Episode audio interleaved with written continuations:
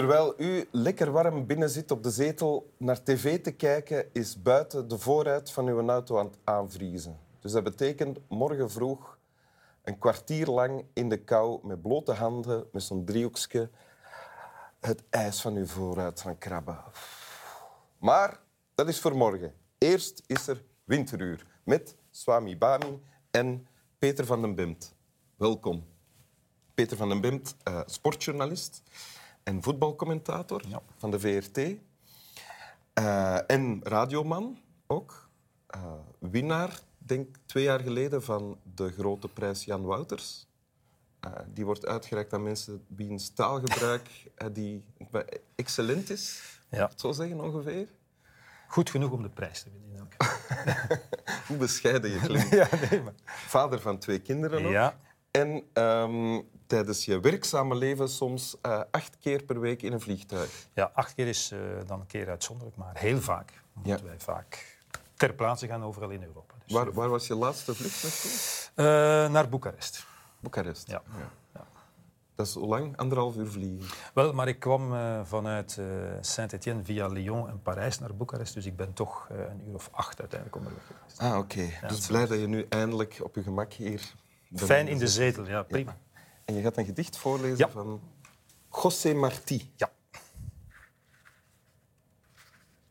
Als ik het nog vind in het boekje. Voilà. Toen ik begon na te denken, gaf mijn verstand mij de keuze. Zijn wie ik ben of het zijn van een vreemde lenen. Maar ik zei tegen mezelf, als kopiëren de regel was, geboren werd er niet één. Want hij zou doen wat voor hem al is gedaan. En ik zei, roepend naar mijn borst, wees wie je bent, ziel van mij. Met veel kracht voorgelezen. Dank u. José Martí, ik eh, ken hem niet. Een eh, Cubaanse dichter, begrijp ik. Ja, het is eigenlijk een, een schrijver, dichter, journalist uit eh, de 19e eeuw, maar vooral een, een groot revolutionair, een, een, onafhankelijkheidsstrijder, leider Ah, ja. in de Cubaanse revolutie tegen de Spaanse overheersing. Gesneuveld ook op het slagveld in het einde van de 19e eeuw. En je hebt hem leren kennen...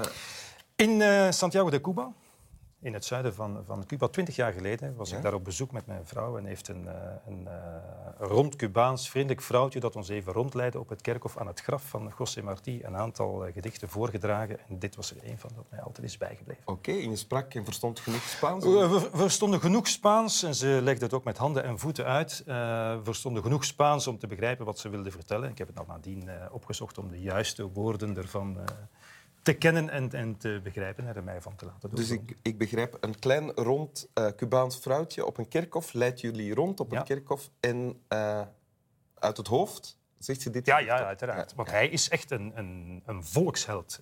De luchthaven van Havana is naar hem genoemd, bijvoorbeeld. Op elke universiteit zal je borstbeelden van José Martí vinden. Dus echt wel een grote bekende figuur. En dat maakte dan blijkbaar veel indruk op jou, want Ja, zeker. nu gekozen als tekst. Jazeker, omdat het, eh, ja, ik zou zeggen, toch een beetje een leidraad is, is eh, geweest in mijn, mijn privé en professionele leven. Ik kan niet zeggen dat ik plots ehm, als een, door een soort bliksem werd geraakt op dat, eh, op dat moment. Maar het, van een aantal gedichten die ze heeft voorgedragen, ze heeft ook Guantanamera gezongen, want de tekst van Guantanamera is ook eigenlijk uit een gedicht van... Guantanamera. Voilà. Here, Guantanamera.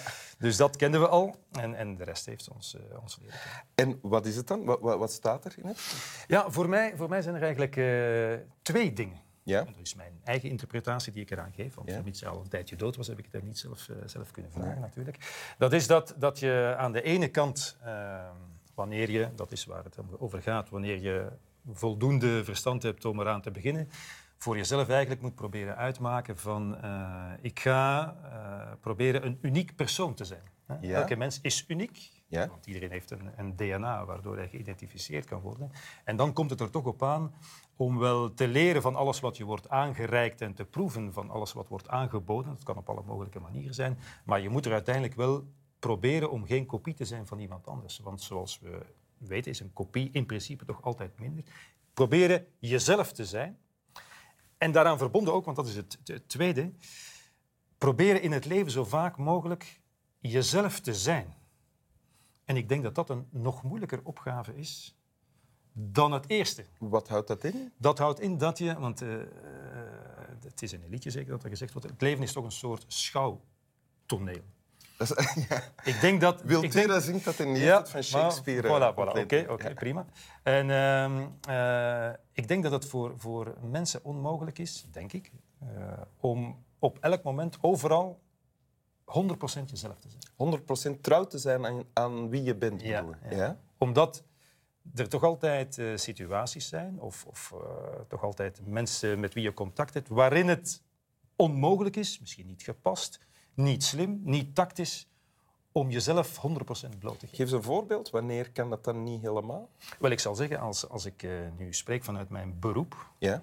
ik zit in de journalistiek, ik zit in de media, dus daar hoort per definitie een klein beetje pose bij. Bovendien en kwetsbaarheid. In de sportwereld, de voetbal, een viriele, ook, ja, ook, ja, testosteron gedreven wereld. Toch? Dus uh, ik vind het heel belangrijk en ik vind het een grote kwaliteit om, om uh, ik zou zeggen, als commentator of journalist of interviewer jezelf wel in vraag te stellen. Hè? En dat mag ook wel een beetje publiekelijk. Hè? Je hoeft jezelf niet als een soort alwetende, ontastbare te presenteren. Ja? Maar je moet wel weten waar de grens ligt van de kwetsbaarheid, omdat je er anders op gepakt wordt. Dus dat is altijd een beetje zoeken naar een evenwicht. Je moet wel altijd authentiek blijven, dat is wat anders. Dus ik denk dat er nog een verschil is tussen uh, toch authentiek jezelf blijven en, en, je, en proberen je werk te doen of proberen te leven naar de principes die je belangrijk vindt en de waarden die je belangrijk vindt, uh, maar toch een soort gereserveerdheid. En dat, die, dat kwetsbaar, jezelf kwetsbaar tonen, dat gaat dan over minder zeker zijn van jezelf dan dat je je voordoet. Ik, ik, ik ga een voorbeeld geven. Ja? Ik, heb, uh, uh, ik werk met mijn co-commentator Gert Verheijen samen, ja? die ik heel lang heb gekend als voetballer. Dus hadden wij een min of meer afstandelijke relatie en ik interviewde hem.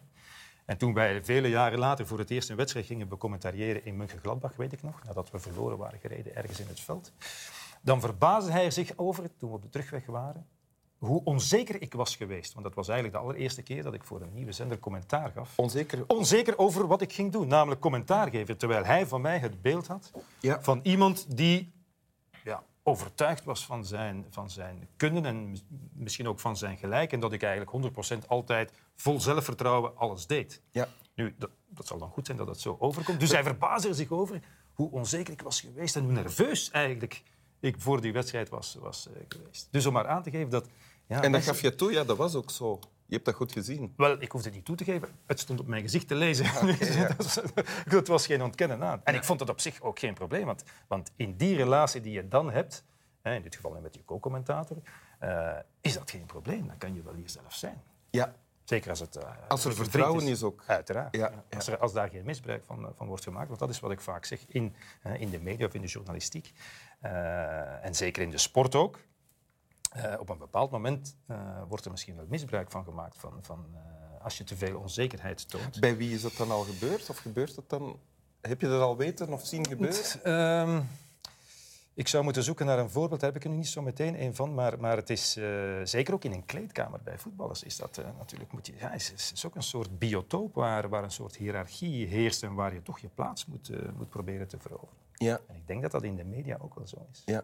En waar, waar kan je dat dan wel? Zijn er plekken waar je dat wel kan zijn, helemaal jezelf, zonder... Maar ik zou zeggen, vooral thuis toch. Ja.